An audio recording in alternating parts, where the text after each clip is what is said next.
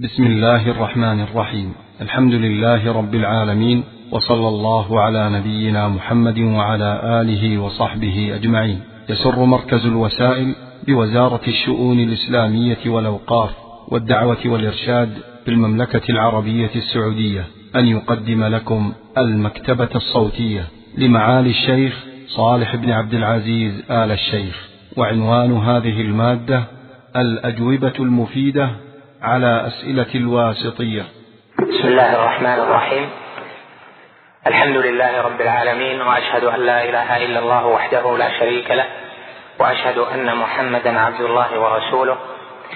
صلى الله عليه وعلى آله وصحبه وسلم تسليما كثيرا إلى يوم الدين.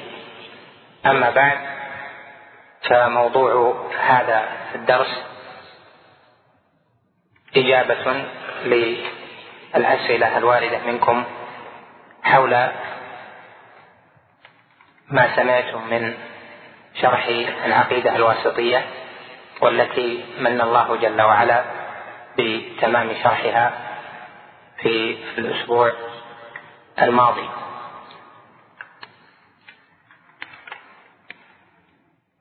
وحبذا لو يراعى في الأسئلة أن تكون في الموضوعات التي سبق الكلام عليها في هذه العقيدة المباركة حتى تكون جلاء لبعض ما قد يغمض أو بيانا لبعض ما قد يكون مبهما أو مجملا. نبتدئ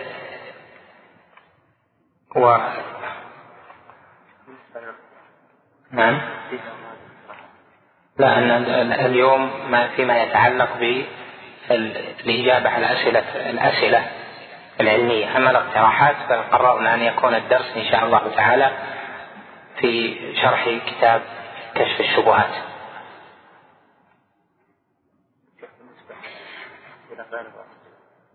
أسئلة في العقيدة. أي أسئلة في العقيدة؟ لأنها تكون مما تطرقنا له إما نصا أو إشارة.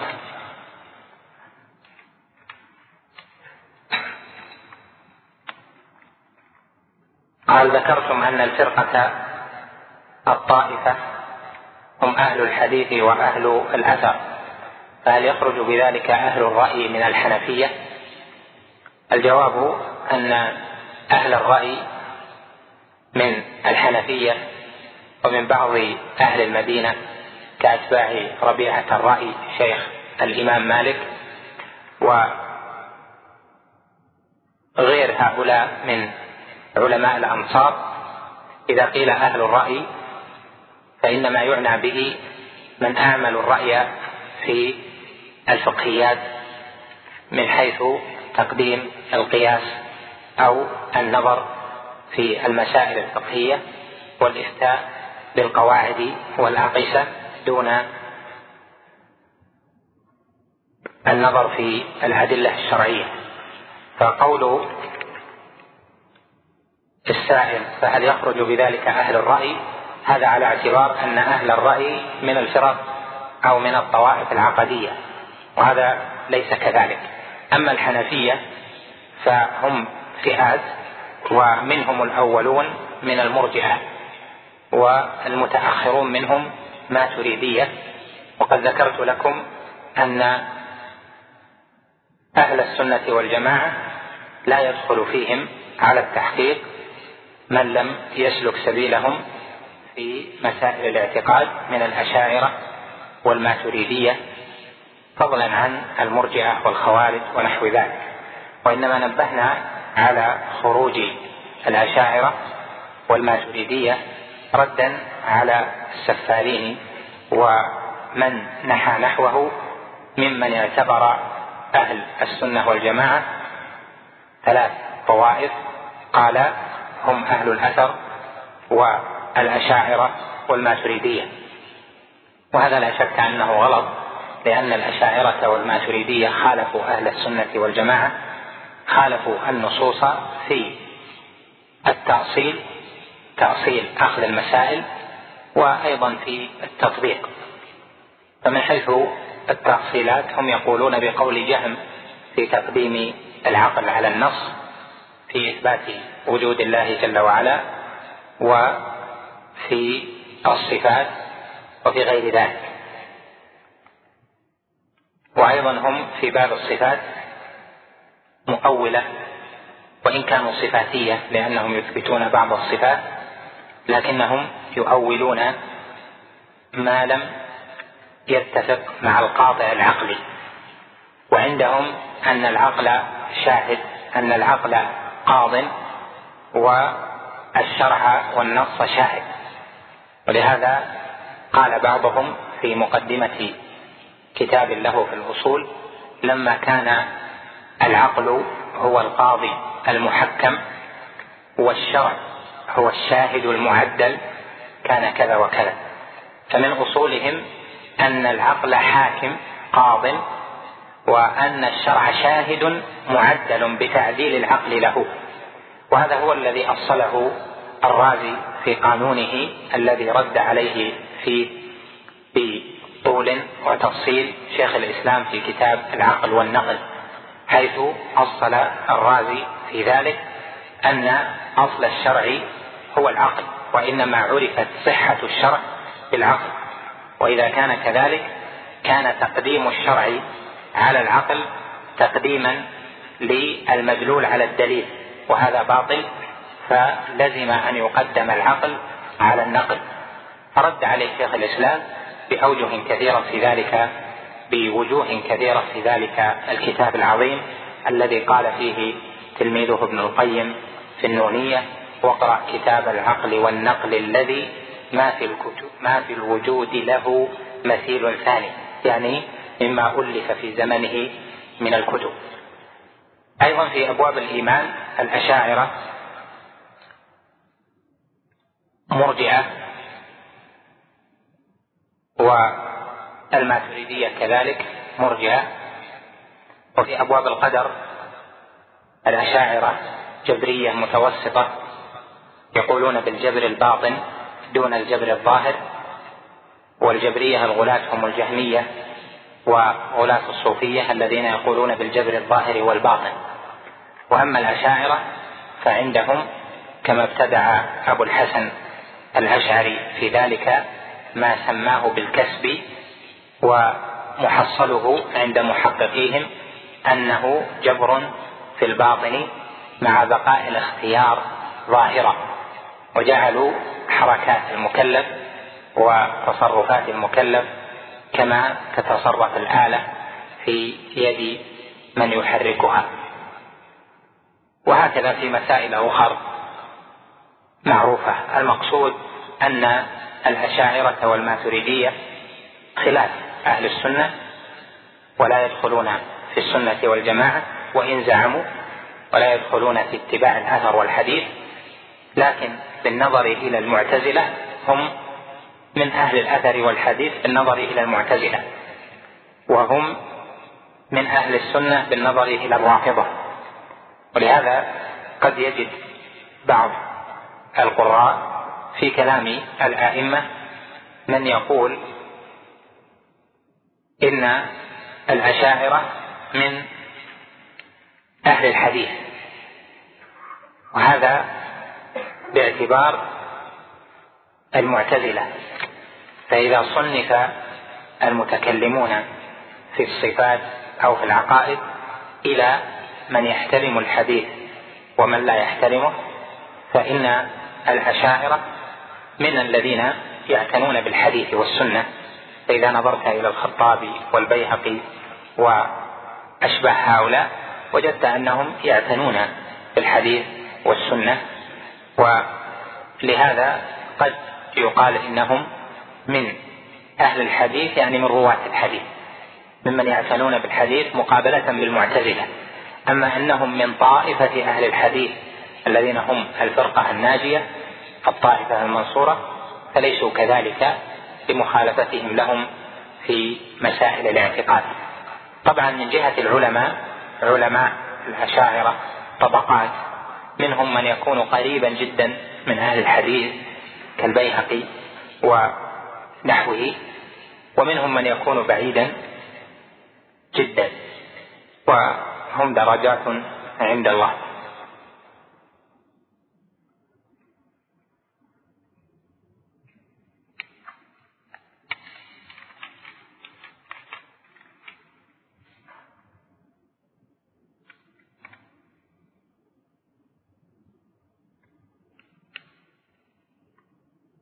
هل دللتنا على بعض كتب الآداب والسلوك التي ينتفع بها طالب العلم؟ لا شك أن العناية بكتب الأدب والسلوك والأخلاق من المهمات ومن أعظم ما يدلك على ذلك وتنتفع به كتاب رياض الصالحين فإنه من أنفع الكتب في الأدب والسلوك النبوي والإرشاد إلى الأخلاق والآداب والواجبات في التعامل والخلق والأدب. ومن جهة الزهديات كتب السلف في الزهد كالزهد لابن المبارك والزهد للإمام أحمد وككتاب الرقاق في صحيح البخاري والبر والصلة في كتب أهل الحديث. هذه فيها مع شروح أهل العلم عليها ما ينتفع به طالب العلم كثيرا. ومن الكتب المتأخرة في ذلك كتاب ابن القيم مدارج السالكين بين منازل إياك نعبد وإياك نستعين. شرح به كتاب منازل السائرين للشيخ الهروي رحمهما الله تعالى. وكذلك كتاب شيخ الإسلام التحفة العراقية. وكذلك كتاب شرح كلمات من فتوح الغيب له أيضا لشيخ الإسلام. ونحو ذلك من الكتب. المفيدة العظيمة. ومن جهة تطبيق السلوك تنظر في سير أهل العلم تنظر في التراجم في سير أعلام النبلاء أو في تذكرة الحفاظ أو في حلية الأولياء مع الانتباه لمواقع الغلو أو الجفا في بعض التراجم. هذه تنتفع بها من الجهة العملية جدا. والمسألة فيها طول من حيث المراجع والاستفادة منها. هل تعلمون أحدا من الأئمة نص على أن لله تعالى خمسة أصابع صفة له جل جلاله أم أن طريقتهم رحمهم الله الاثبات إثبات الأصابع دون تحديد العدد؟ الذي أعلمه من طريقة أهل السنة أنهم يثبتون الأصابع لله جل وعلا صفة دون تحديد عدد عدد معين. وذلك لأن الحديث الذي جاء فيه بما رواه البخاري ومسلم وغيرهما أن الحبر من أحبار اليهود جاء فقال للنبي عليه الصلاة والسلام إننا نجد عندنا أن الله جل وعلا يجعل السماوات على ذه والأرض على ذه والجبال على ذه وفي رواية يجعل السماوات على إصبع والأرض على إصبع والشجرة على إصبع وإلى آخره. وهذه الروايات بينها اختلاف في العدد بعضها فيها ستة بعضها خمسة. بعضها ثلاثة فيعلم من ذلك أن المراد منه ذكر الجنس دون العدد. وقال بعد ذلك أو قال الراوي بعد ذلك فضحك رسول الله صلى الله عليه وسلم تصديقا أو قال تعجبا من قول الحق. عدة أسئلة تسأل عن الفرق بين الفرقة الناجية والطائفة المنصورة وهذا سبق الكلام عليه. في شرح الواسطية ولا ينبغي أن يكرر السؤال عن مثل ذلك بمثل هذا الاهتمام لأن المسألة واضحة ولله الحمد هل الطائفة المنصورة فئة أخص من الفرقة الناجية؟ نفس الشيء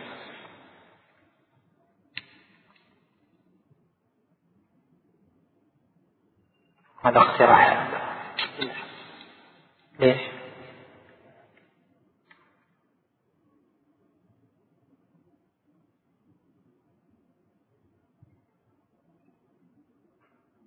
هل العفو؟ العفو.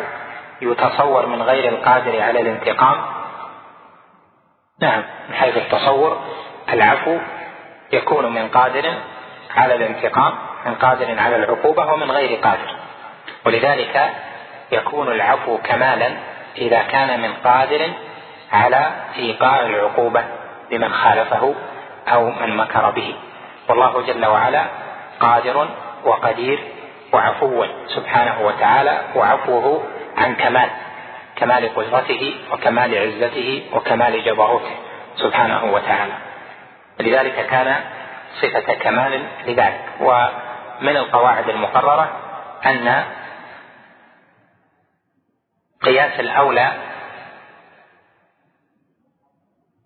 يجري في حق الله جل وعلا بخلاف قياس الشمول وقياس التمثيل لأن الأقيسة ثلاثة قياس الأولى وقياس التمثيل وقياس الشمول. وقياس الأولى يجري في حق الله جل وعلا بمعنى أن كل كمال في حق العبد فالله جل وعلا أولى أن يتصف به سبحانه وتعالى. هذا قد جاء في القرآن. أما قياس الشمول وهو قياس المناطق فباطل في حق الله جل وعلا. وكذلك قياس التمثيل الذي هو قياس الأصوليين فهو باطل أيضا في حق الله جل وعلا. نعم. وكل كمال في حق المخلوق. إذا قلت كل كمال لا نقص فيه آه، الكمال لا يكون كمالا حتى لا يكون به نقص. لكن بعضهم يزيد هذه العبارة توهما من أو إخراجا للولد. لأن بعضهم يرى أن الولد كمال بالنسبة للآدمي. يقول الولد يعني ممن طعنوا في قياس الأولاد قالوا الولد كمال بالنسبة للآدمي. ومن لا ولد له من بني آدم فهو ناقص. فكيف ينفى الولد عن الله جل وعلا باعتبار هذه القاعدة؟ وهذا البحث ناقص. لأن الحقيقة ليست كذلك لأن الولد نقص بالنسبة للآدم لأنه لما يريد الولد يريده لأشياء إما لنفعه لكي ينتفع منه إذا كبر أو ليحمل اسمه خشية من طي اسمه ونسيان اسمه وعدم بقاء اسمه أو لأجل أنه يحتاج للتفاخر به وكل هذه صفات نقص. والله جل وعلا له صفة الكمال. فلا نحتاج إلى هذا القيد الذي ذكره الأخ من أن الكمال يقيد بكمال لا نقص فيه. بل الكمال معلوم أنه لا نقص فيه.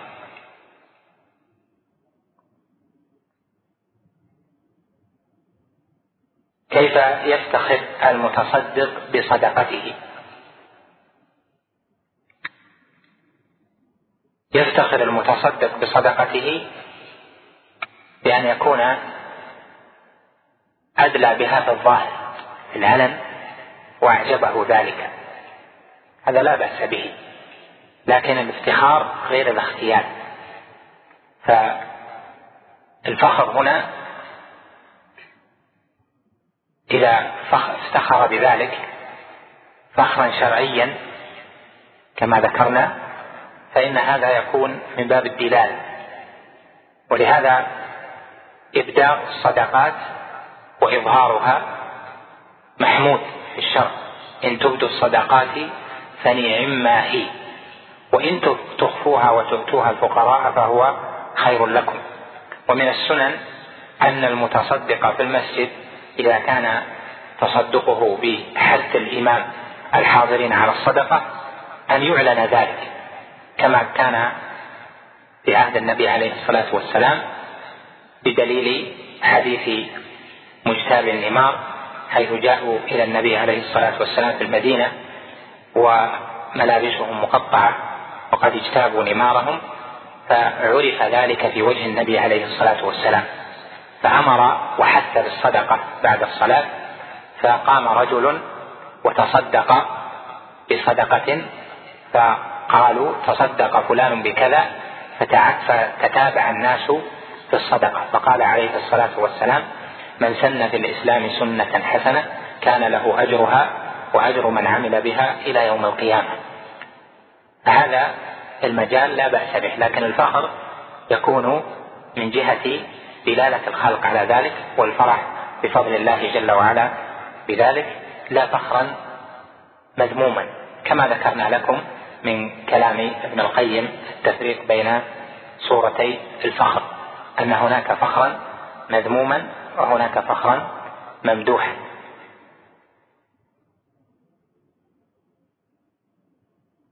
قول المؤلف ويأمرون ببر الوالدين هل يعني هذا طاعة الوالدين حتى وإن ظلموا أبناءهم حتى في أبسط حقوقهم؟ وهل يحق للابن أن يمنع والده من أخذ ماله علما بأن الأب لم يصرف على ابنه هذا؟ لأنه عاش في كنف والدته بحكم أنها مطلقة. بر الوالدين أصل من الأصول وقربة من القرب العظيمة. قرن الله جل وعلا حقهما بحقه جل وعلا دون تفصيل في الحال. واعبدوا الله ولا تشركوا به شيئا وبالوالدين إحسانا. وقضى ربك ألا تعبدوا إلا إياه وبالوالدين إحسانا. إما يبلغن عندك الكبر أحدهما أو كلاهما فلا تقل لهما أف ولا تنهرهما وقل لهما قولا كريما واخفض لهما جناح الذل من الرحمة. وهذا فيه اطلاق في جميع الحالات. فعقوق الوالدين كبيرة من الكبائر مقارنة لكبيرة الشرك والعياذ بالله. قرن الله جل وعلا بينهما تعظيما لهذا. فكما أن الحق مقترن كذلك الشرك مقترن بعقوق أو عقوق الوالدين مقترن بالشرك. إذا حصل من الوالدين ما لا يحمد لم يطيع الله جل وعلا. في العبد في الابن فإن الابن يطيع الله جل وعلا فيهما. لا يفرط في الأمر الشرعي لأجل أنهما فرطا. بل لو جاهداه على أن يشرك لو جاهداه على أن يزيغ لو جاهداه على أن ينحرف لو جاهداه على أن يكفر فإنه لا يطيعهما في ما أراد ويصاحبهما في الدنيا معروفا كما قال جل وعلا وإن جاهداك على أن تشرك بي ما ليس لك به علم فلا تطعهما وصاحبهما في الدنيا معروفا. وهذا من القواعد العامة في بر الوالدين. أما أخذ الوالد الأب أو الأم في قول كثير من أهل العلم أخذ الأب بعض مال ولده هل له ذلك؟ الصواب أن له ذلك لأن النبي عليه الصلاة والسلام قال أنت ومالك لأبيك لأنك جئت بسبب العبد فأنت ومالك لأبيك. لكن الفقهاء قيدوا ذلك بفهم ما جاء في السنة والقواعد وعمل الصحابة رضوان الله عليهم بقولهم وللأب في باب الهبة عبارة الزاد وللأب أن يتملك من مال ولده ما لا يضره ولا يحتاجه. فللأب أن يتملك من مال الولد ما لا يضره ولا يحتاجه. فإذا كان الأخذ يضر الولد أو يحتاجه الولد في معيشته فإن الأب ليس له ذلك. لكن إذا كان شيئا زائدا فإن له أن يتملك ذلك. وكذلك الأم على الصحيح من قولي أهل العلم هنا. من كان في عقيدته انحراف عن هدي السلف الصالح وكذا في أخلاقه مع الناس ما حكم مساعدته في الخروج من المصائب التي تحل, تحل به وزيارته والوقوف بجانبه؟ وهل من رفض مساعدته بحجة ما عنده من انحراف في العقيدة على صواب؟ هناك تنبيه عام في الأسئلة وهذا لعلي أعرض له إن شاء الله تعالى في درس عام. يلقى قريبا إن شاء الله بعنوان أدب السؤال. كثير من الأسئلة يكون عند ملقيه أو عند السائل حالة معينة فيأتي بصيغة عامة. هذا غير مناسب. أن تسأل أحد أهل العلم أو أحد طلبة العلم وأنت في ذهنك حالة خاصة تصوغ السؤال بصيغة عامة وأنت تعني هذه الحالة الخاصة. هذا يجعل المجيب في غير علم بما في ذهنك فيجيب إجابة بقدر السؤال وأنت تنزلها على ما في ذهنك من الواقع. وهذا يحصل يحصل منه بلبلة كثيرة وكثير من الأسئلة التي وجهت لأهل العلم في هذا الزمن من جهة العموم فيجيب العالم أو طالب العلم فيها بجواب فيستدل منها السائل على أشياء في صالحه فيما يزعم. وهذا ليس من أدب السؤال بل السائل مستفت السائل مسترشد لا يسوغ له أن يسأل ليحظى من المسؤول بالجواب الذي يلائمه لأن السؤال في أصله أن أن تريد منه أخذ الحق. فاسألوا أهل الذكر إن كنتم لا تعلمون. أما إذا كنت تعلم أو عندك الشيء مقررا وتريد أن تسأل لي تجعل الجواب في صالحك أو مقويا لك فإن هذا ليس من أجل السؤال. فلهذا نقول حبذا أن تكون الأسئلة في مثل هذا السؤال أن تكون مخصوصة بالحالة من كان في عقيدته انحراف عن هذه السلف الصالح وكذا في أخلاقه ما حكم مساعدته في الخروج من المصائب؟ هو يعني حالة معينة. لكن المسألة هذه تحتاج إلى تفصيل كل حالة لها ما يناسبها من الجواب. لأنها قد تكتنفها أشياء يعلمها السائل ويعلمها المسؤول بإيضاح هذه الأشياء يكون الجواب.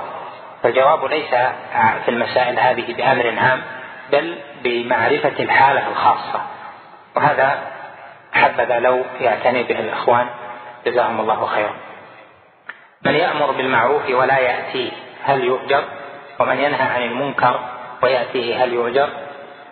نعم الأمر بالمعروف والنهي عن المنكر غير مرتبط بعمل المعروف أو الانتهاء عن المنكر لأن الواجب على العبد واجبان واجب في أن يأتي المعروف وأن ينتهي عن المنكر هذا واجب والواجب الثاني أن يأمر بالمعروف وأن ينهى عن المنكر فإذا ترك أحد الواجبين فإنه لا يسوغ له شرعا أن يترك الواجب الآخر إذا كان واقعا في المنكر وتاركا للمعروف الذي يأمر به فإنه لا يترك الأمر والنهي ويفرط في هذا الواجب لأجل أنه فرط في الامتثال. هذا شيء هذا واجب وهذا واجب. ولهذا ذكرت لك قول الإمام مالك رحمه الله تعالى لو لم يأمر بالمعروف إلا من أتى ولم ينهى عن المنكر إلا من انتهى عنه لم تجد آمرا ناهيا لأن الدين عظيم ومسائل الشرع والواجبات والمستحبات كثيرة. كذلك المحرمات والمكروهات كثيرة. فالعبد يجب عليه أن يأمر وينهى فإنه إذا فرط فإنه يستغفر الله جل وعلا ويكون قد فرط في واجب أو مستحب أو ارتكب محرما ونحو ذلك. فلهذا لا صلة بين هذا وهذا هذا واجب وهذا واجب. فمن وفقه الله جل وعلا لامتثال الواجبين فإنه هو الذي حظي بالفضل. وأما من خالف فهذا فيه تفصيل.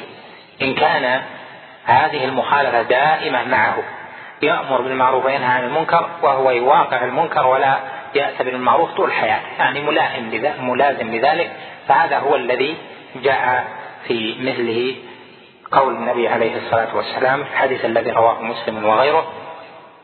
إن إنه يؤتى بالرجل يوم القيامة فيلقى في النار فتندلق أقتابه يعني أمعاءه فيقال له يا فلان ألم تكن تأمرنا بالمعروف تنهانا عن المنكر؟ قال بلى ولكن كنت آمركم بالمعروف ولا آتيه وكنت أنهاكم عن المنكر وآتيه. هذا في حال من لازمه وغلب عليه.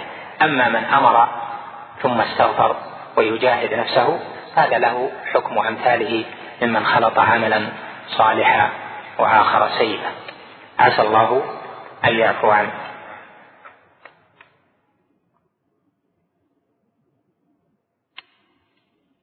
هل يصح عن شيخ الإسلام أنه قال إن الأشاعرة لم يوافقوا أهل السنة إلا في السيف حيث نقل عنكم ذلك؟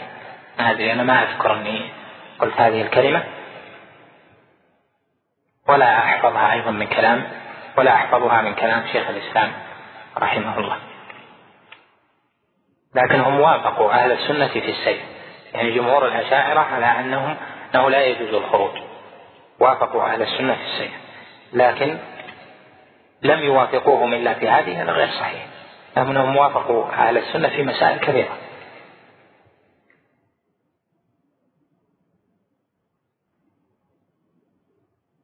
ما هو الضابط بين ما يجوز تأويله وما لا يجوز تأويله؟ وهل يجوز تأويل قوله تعالى فأتاهم الله من حيث لم يحتسبوا؟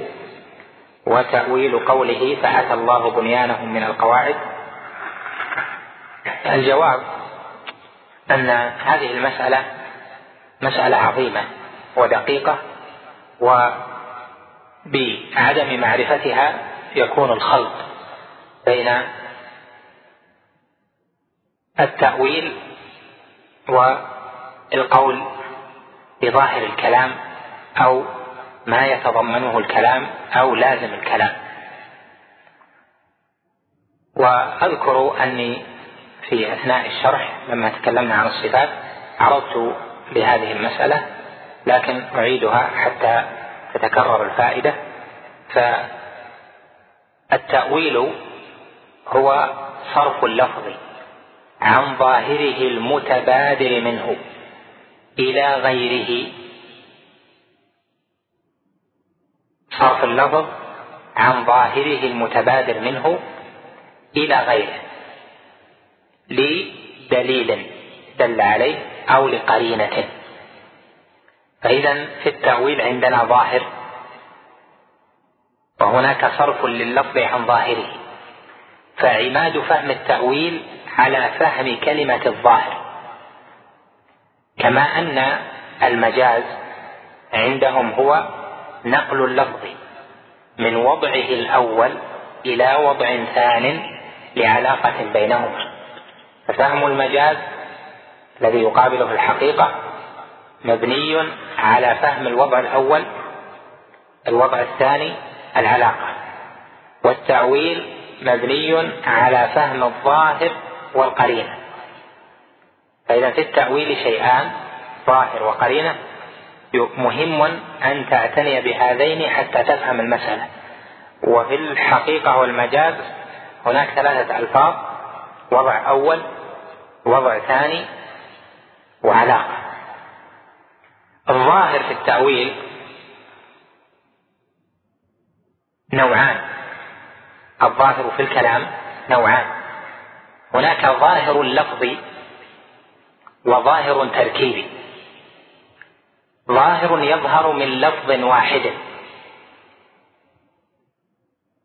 وظاهر يظهر من الكلام من الجملة.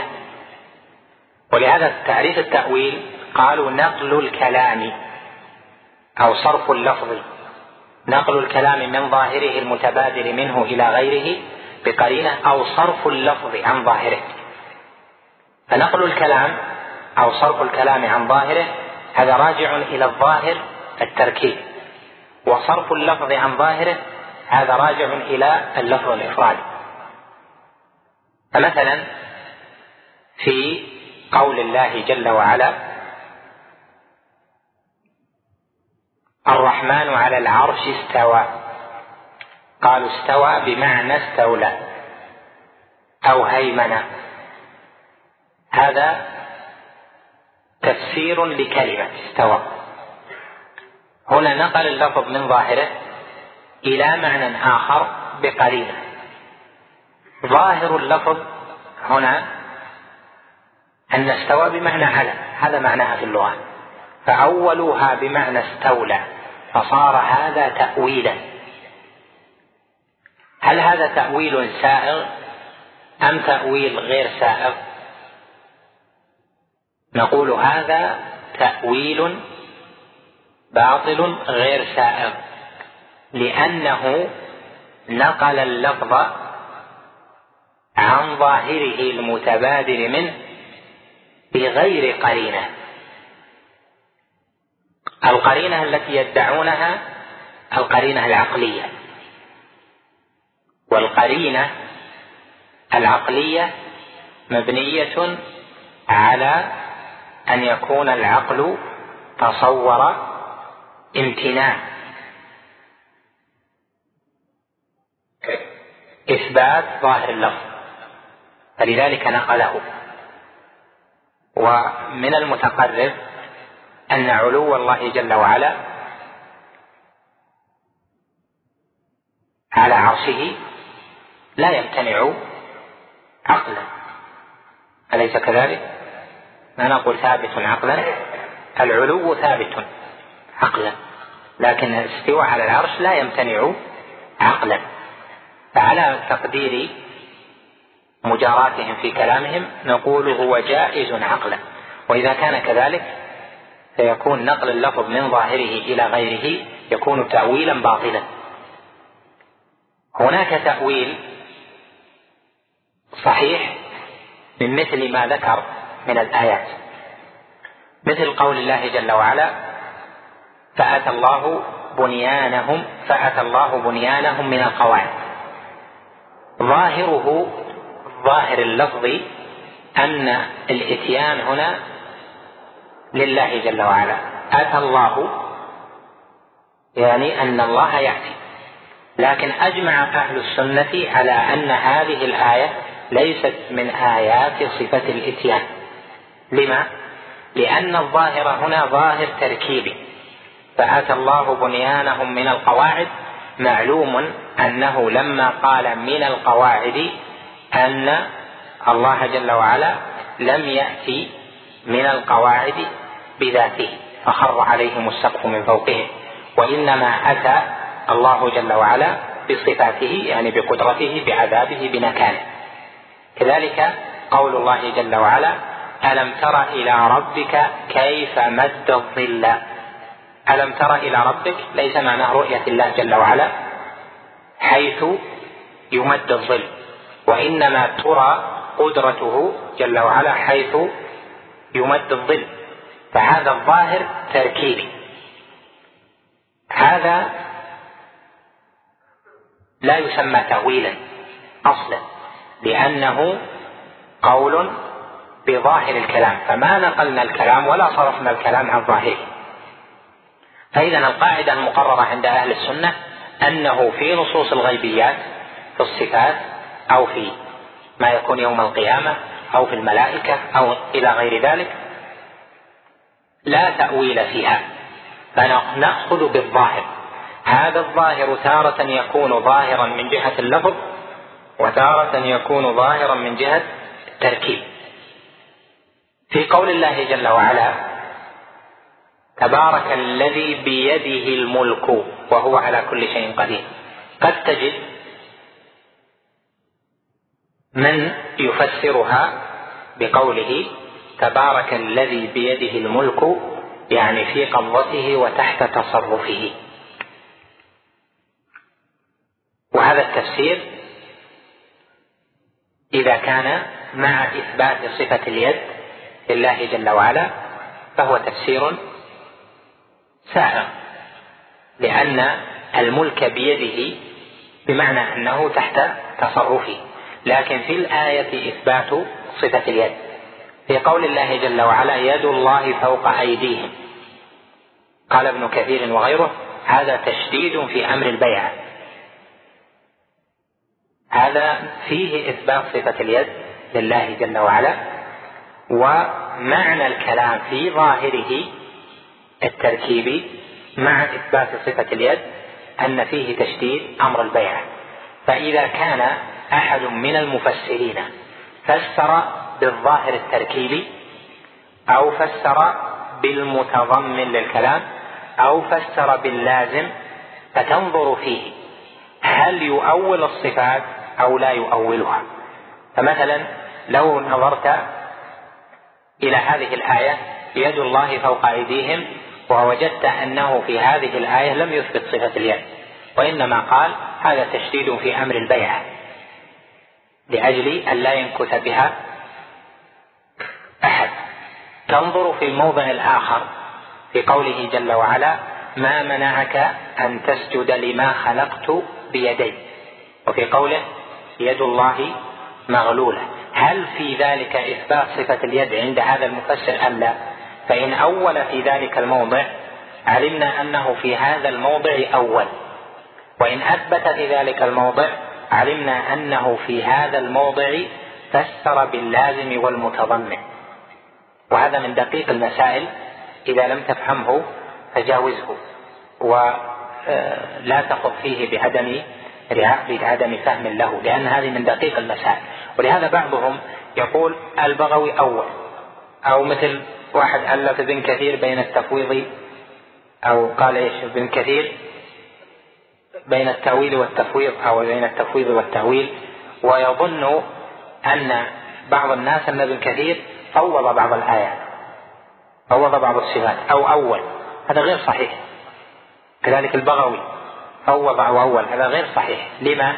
لأنه قد يفسر باللازم قد يفسر بالمتضمن قد يفسر بالظاهر التركيبي.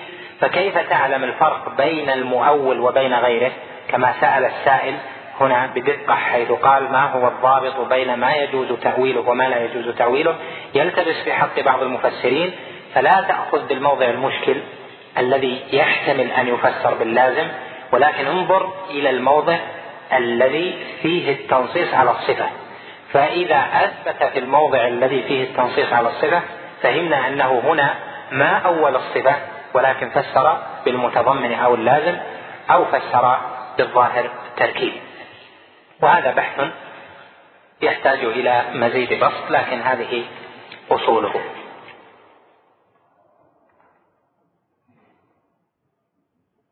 هناك كلام لشيخ الإسلام وهو أن أهل السنة يرون أنه لا مانع في وجود حوادث لا أول لها كما يوجد حوادث لا آخر لها.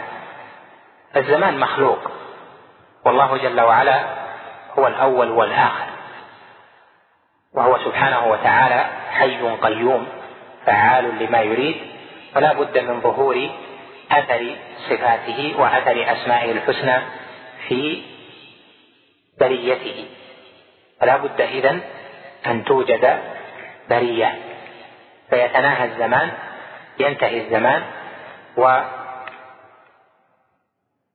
ويكون هو جل وعلا أول بصفاته وهو آخر أيضا هو الأول والآخر والظاهر والباطن.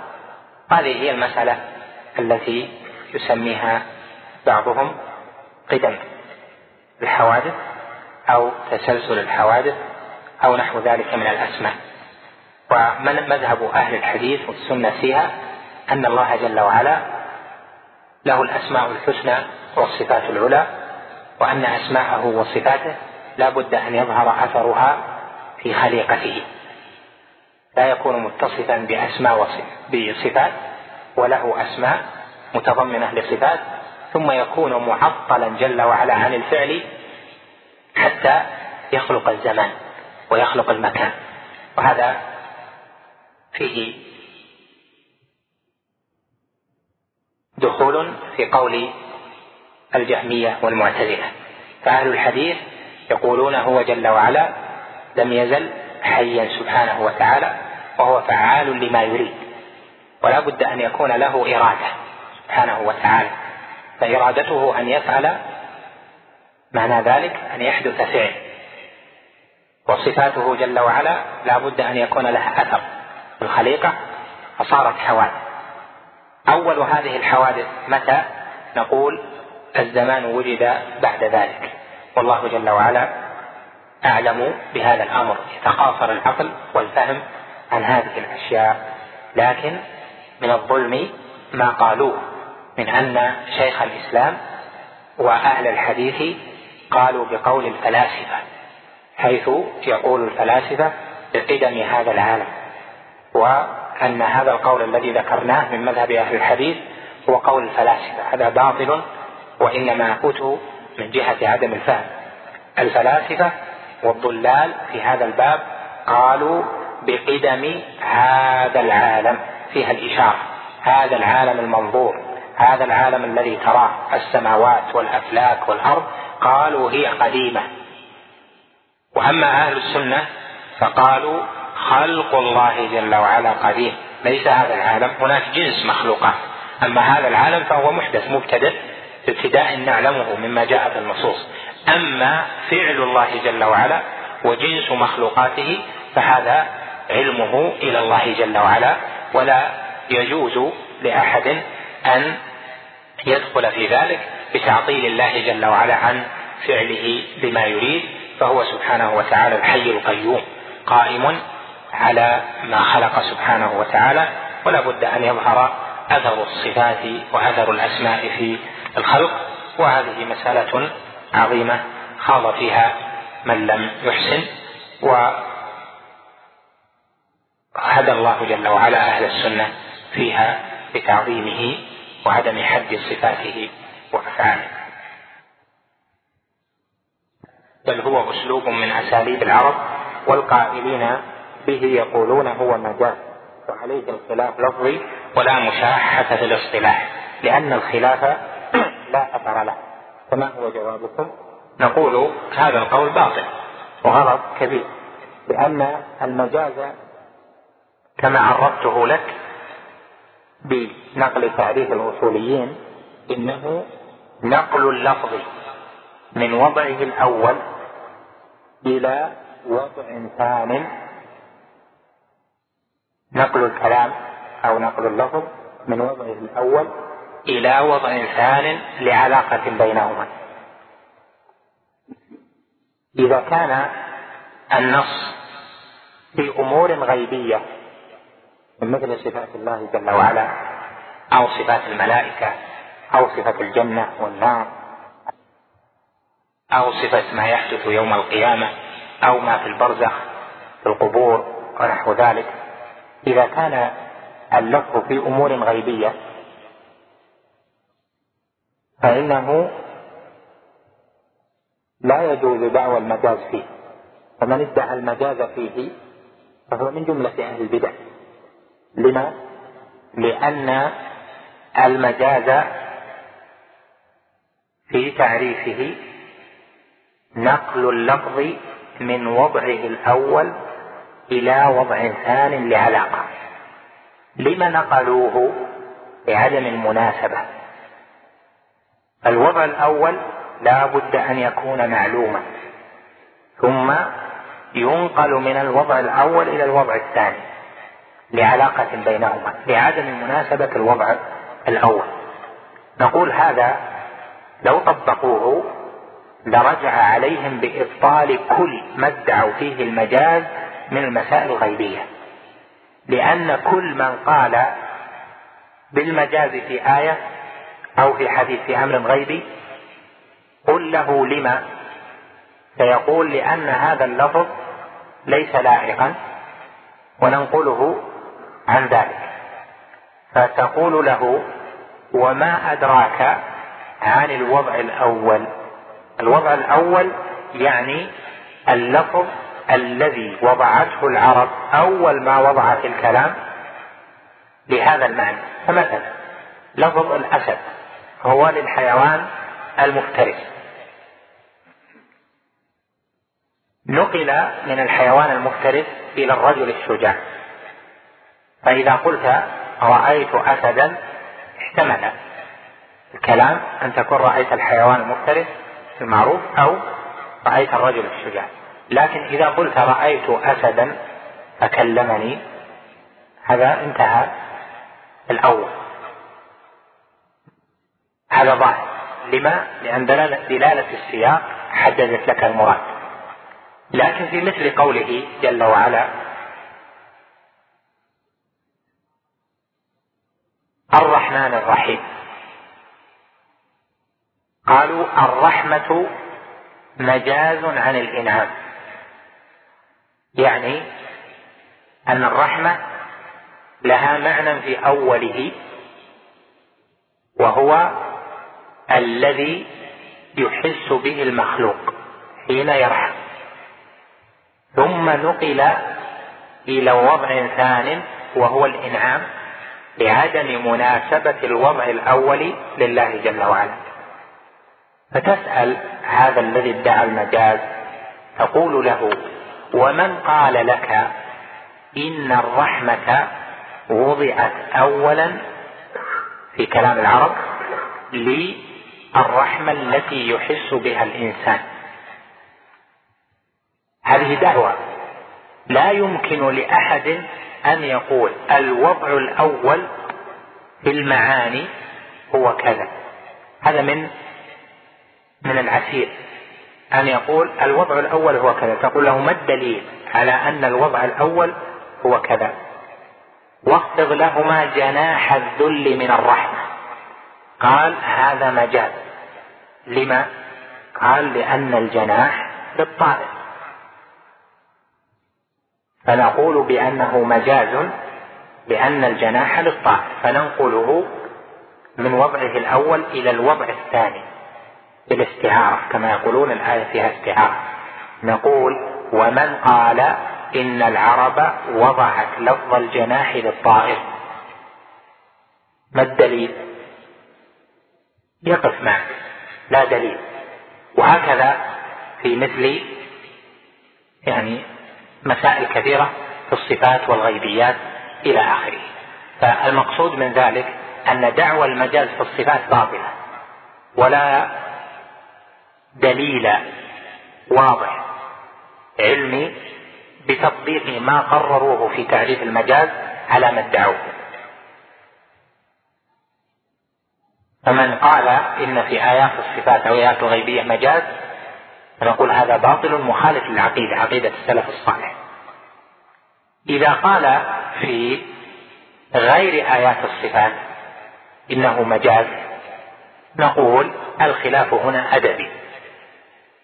من قال في لفظ من الألفاظ في غير القرآن إن هذا فيه مجاز نقول المسألة سهلة. أنه لا تعرض فيها للصفات ولا للغيبيات. فمن قال هذه الكلمة فيها مجاز بيت الشاعر هذا فيه مجاز ونحو ذلك نقول الأمر سهل لأنه ما ينبني عليه خلل في العقيدة. فإذا إذا ادعي المجاز في مسائل المسائل الغيبية في الصفات أو الغيبيات فهذا مخالف للعقيدة. إذا قيل بالمجاز في غير آيات الصفات ومسائل الغيبية فنقول هذا خلاف أدبي. منهم من يرجح أنه لا مجاز ومنهم من يرجح أن فيه يعني في اللغة مجازا وهل القرآن فيه مجاز أم لا؟ أيضا ثم خلاف. من القواعد المقررة عند القائلين بالمجاز أن كل مجاز يصح نفيه. فإذا قلت رأيت أسدا فكلمني جاز أن تقول بعدها مباشرة ولكنه ليس بأسد. تعني الوضع الأول. جدارا أو جناح الذل من الرحمة يصح أن تقول بعدها عندهم ولكنه ليس بجناح تريد جناح الطائر ومن المجمع عليه أنه لا يجوز أن ينفى شيء في القرآن. وهذا من المرجحات لعدم جواز المجاز في المنزل للتعبد والإعجاز.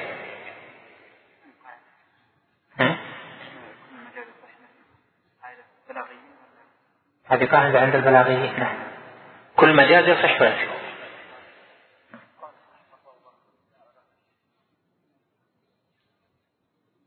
ونفيه بإيش؟ المجاز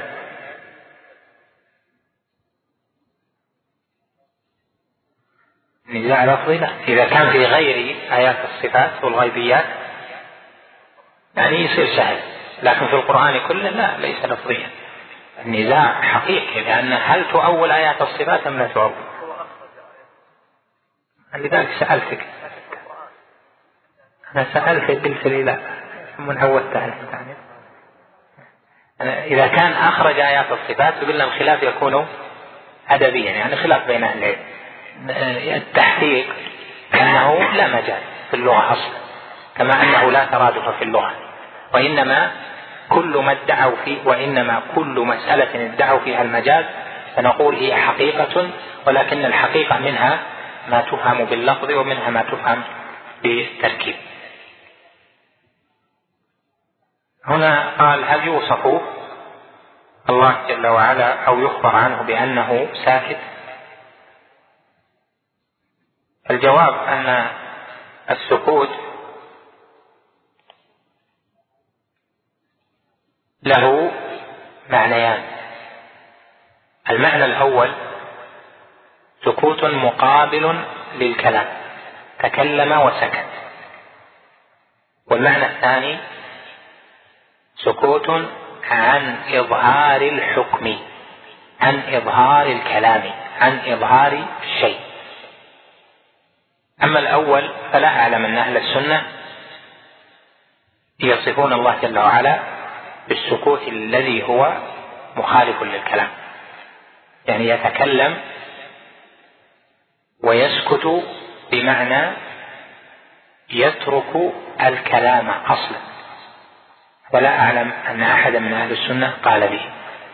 وأما المعنى الثاني وهو السكوت بمعنى عدم إظهار الخبر أو ترك إظهار الحكم أو إظهار الكلام هذا جاء في الحديث عن النبي عليه الصلاة والسلام وسكت عن أشياء رحمة بكم غير نسيان فلا تبحثوا عنها. سكت عن أشياء هنا السكوت بمعنى عدم إظهار الحكم لأنه قال إن الله فرض فرائض فلا تضيعوها وحد حدودا فلا تعتدوها وسكت عن أشياء.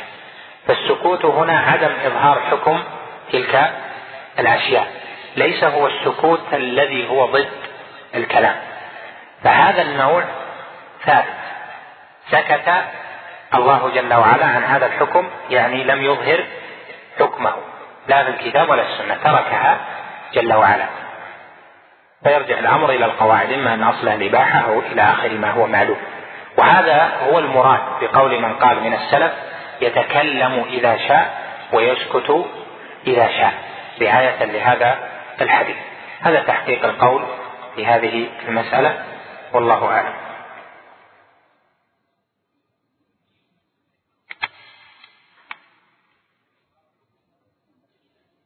ما رأيك في من استحب التعبير بلفظ السلف الصالح بدلا من مذهب أهل السنة والجماعة؟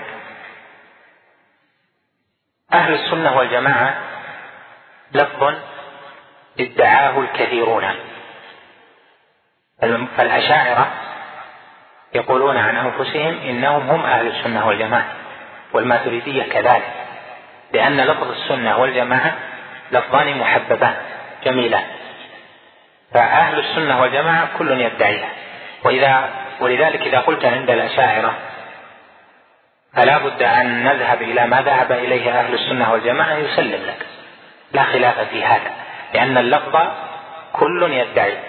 أما لفظ السلف الصالح فإنه يتميز به المراد بأهل السنة والجماعة. السلف الصالح لا ينتسب إليه الاشاعره والماتريدية والمبتدعه لأنهم يؤصلون أن طريقة السلف أسلم ولكن طريقة الخلف أعلم وأحكم.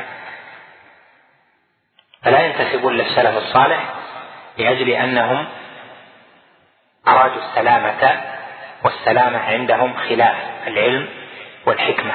نسأل الله العافية والسلامة. والواقع أن السلف أسلم طريقتهم أسلم وأعلم وأحكم. رحمهم الله تعالى وجزاهم عنا وعن الإسلام خير الجزاء. ولهذا ينبغي التنبه عند إطلاق لفظ أهل السنة والجماعة بتقييده. وإذا أطلق ولم يقيد في بعض الأحيان فلا بأس. لكن تقييده في بعض الأحيان هذا هو طريقة المحققين من أهل العلم فيطلقونه بدون تقييد وتارة يقيدونه حتى يحمل المطلق على المقيد.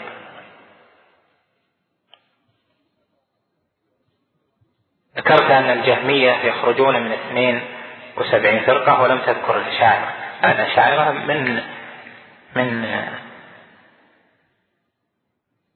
هذه الأمة. الأشاعرة ليسوا بخارجين عن الإسلام. الأشاعرة إنما هم مخالفون متبعة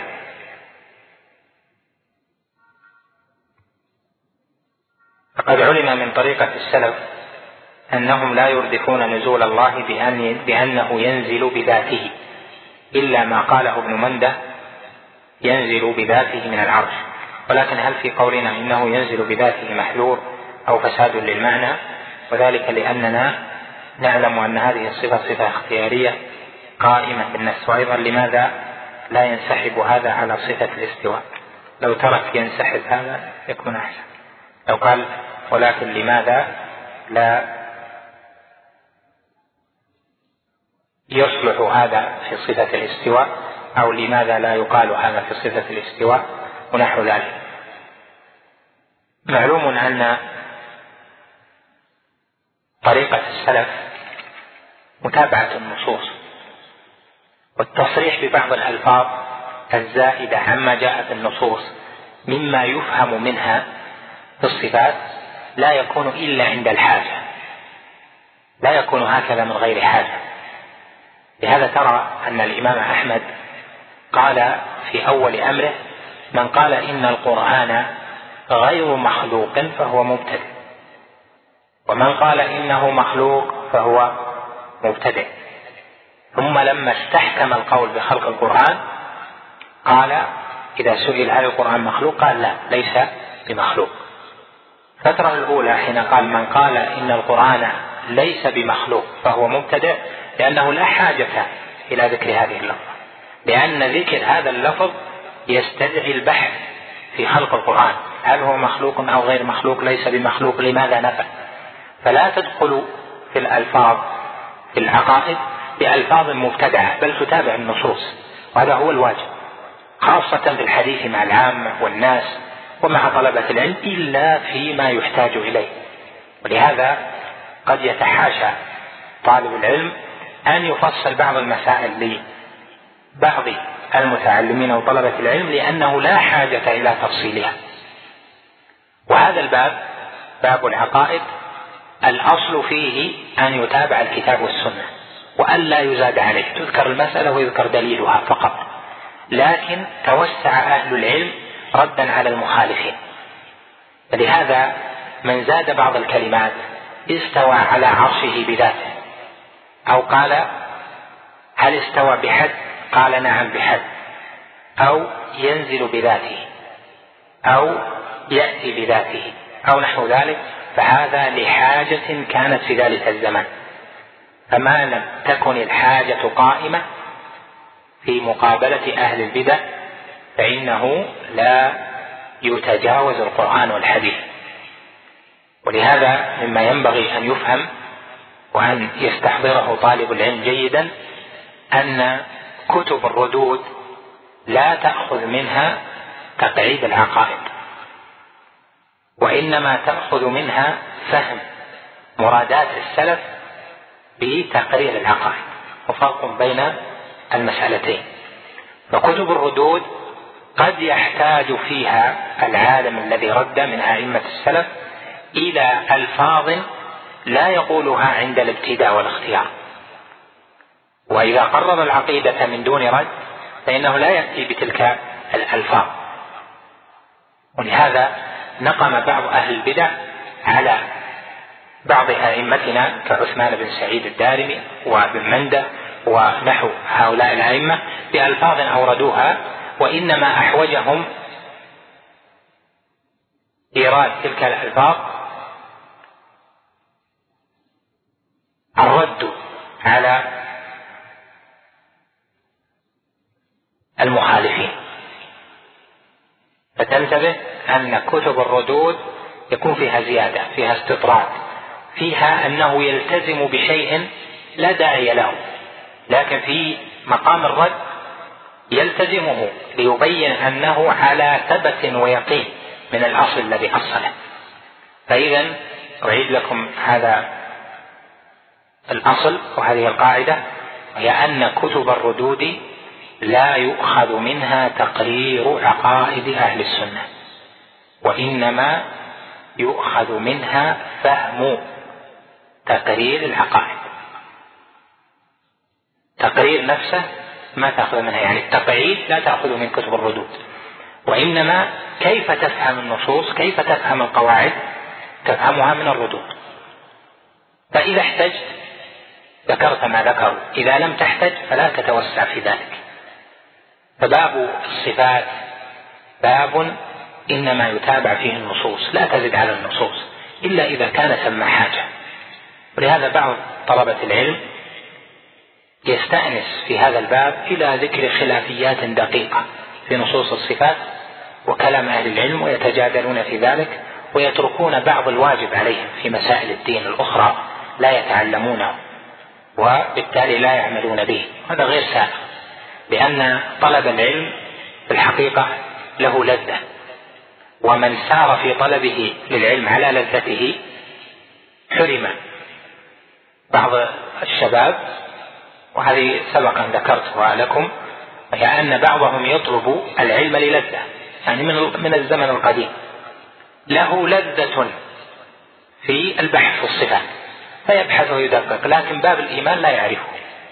لكن باب الأمر بالمعروف والنهي عن المنكر ما يعرف كلام أهل السنة فيه. لكن باب الأخلاق لا يعرف كلام أهل السنة فيه وهكذا. فالإيغال في بحث شيء وقد فرطت في واجب وذاك الذي أوغلت فيه ليس بواجب عليك هو من باب تقديم المستحب على الواجب. فتقديمك المستحب على الواجب لما؟ لأن لك لذة فيه. ولشيخ الإسلام رحمه الله رسالة في هذا الأصل عنوانها قاعدة فيما للعبد فيه محبة يعني من الأعمال. وهذا من دقائق البحث في أصول العمل والنيات وما يصلح به القلب.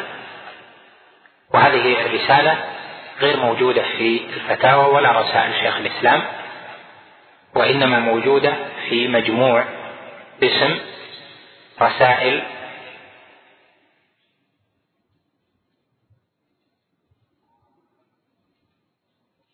عربية أو بحوث عربية وإسلامية مهداة إلى أديب العربية محمود محمد شاكر.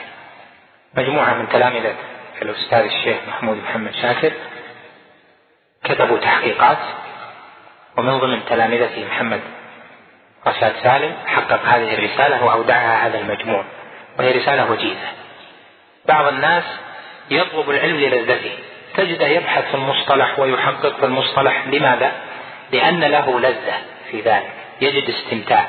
يخرج الأحاديث يجلس الحديث شهر وأسبوعين وثلاثة وأسبوع لما؟ لأن له لذة في ذلك يحفظ حفظا مطولا كذا هل لأنه الواجب عليه؟ لا لأن له لذة في ذلك تجده يحفظ في كتب الحديث هل حفظت القرآن؟ لا لما صار ذاك؟ لأن له لذة فيه تجد يوغل في البحث في مسائل الأسماء والصفات ويأتي فيها ببحوث غريبة يعني من جهة أنها غير مشهورة وذلك لأن له لذة في ذلك. فإن كان هذا الاستقصاء بعد تمكن فيما يجب عليه فهذا فضل الله يؤتيه من يشاء.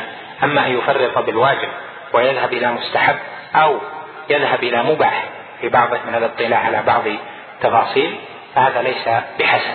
نعود إلى أصل الموضوع وهو أن مثل هذه الألفاظ بذاته أو نحو ذلك هذه يذكرها بعض أهل العلم للحاجة إليها؟ فإذا لم يكن ثم حاجة فلا مجاوزة للقرآن والحديث.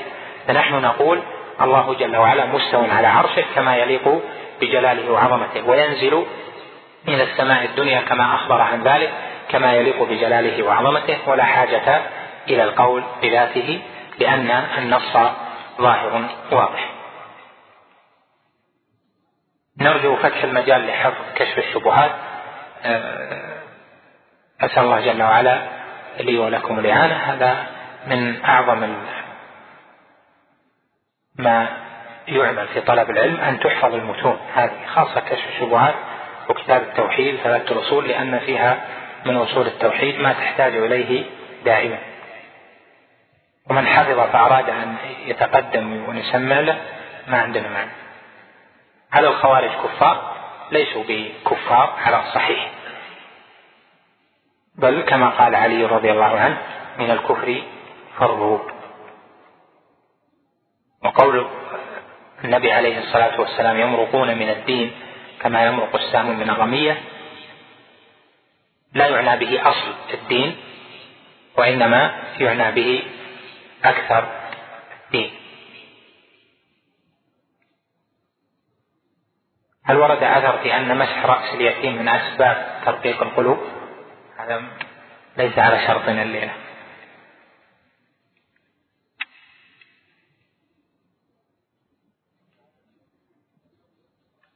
كيف أجمع بين حديث الرسول عليه الصلاة والسلام؟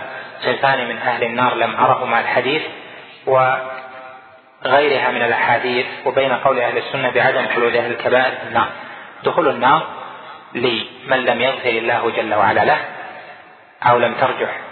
حسناته على سيئاته أو لم يشفع له هذا يكون دخولا مؤقتا لمن كان من أهل السنة أهل التوحيد ربما عذبوا في النار لكن تعذيبا مؤقتا ليس دائما. فتعذيبهم ليس بخلود فيها. الذي يخلد هو الكافر الخارج من الإسلام.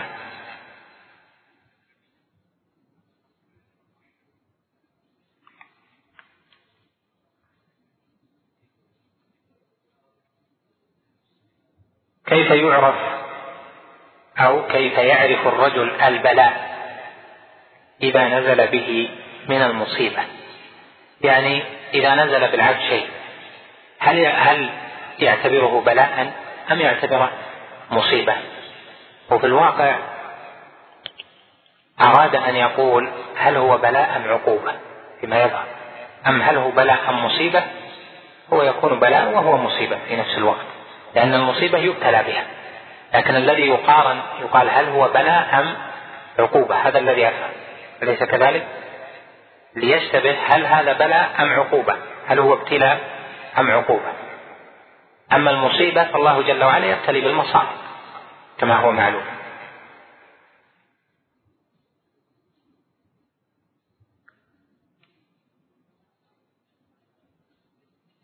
الأصل أن المسلم ما يصيبه ابتلاء. لقول النبي عليه الصلاة والسلام عجبا لأمر المؤمن. إن أمره كله له خير. إن أصابته سراء إن أصابته سراء شكر فكان خيرا له. وإن أصابته ضراء صبر فكان خيرا له. السراء والضراء صارت خيرا للمؤمن فتكون إذن من الابتلاء. ابتلي بالسراء فشكر فكانت خيرا له. وابتلي بالضراء فصبر فكانت خيرا له. هذا الأصل في المسلم أنه يبتلى بذلك. ويقال يخشى أن تكون عقوبة. فإن كان المسلم في نفسه يعلم أنه من أهل العصيان فقد يترجح له أنها عقوبة. كما قال بعض السلف حينما أصيب بمرض شديد في آخر عمره قال مما أصبت بهذا. فجعل يتذكر هل له ذنب يعاقب عليه هل له ذنب يعاقب عليه. فتذكر فقال ربما كانت من نظرة نظرتها وأنا شاب فهذا مما يخشاه العبد. يخشى أن يكون ما أصابه عقوبة وهو ابتلاء يصبر عليه فإذا كان ذلك يتذكر معصيته وذنبه فليبادر بالتوبة والإنابة لأن هذه المصائب كفارات وتذكر العبد وتمحو الخطايا ولا يزال البلاء بالمؤمن حتى لا يدعه حتى يدعه وليس عليه خطيئة. قد جاء في البخاري وغيره من يصيب من يريد الله به خيرا يصب منه. فإذا نقول الأصل أنه ابتلاء لكن ما يجوز أن تقول هذه عقوبة. عاقب الله فلان لأن هذا ما تدري عنه. عاقب الله أهل البلد الفلانية ما تدري هل هي عقوبة أم لا. أن هذا علمها عند الله جل وعلا. تحديد هل هي ابتلاء أم عقوبة. قد تكون ابتلاء وقد تكون عقوبة. وقد تكون هذه وهذه جميعا في حق البعض كذا وفي حق البعض كذا. نكتفي بهذا القدر. وأسأل الله جل وعلا لي ولكم العلم النافع والعمل الصالح والهدى والاهتداء وصلى الله وسلم وبارك على نبينا محمد. مع تحيات مركز الوسائل بوزارة الشؤون الإسلامية والأوقاف والدعوة والإرشاد بالمملكة العربية السعودية.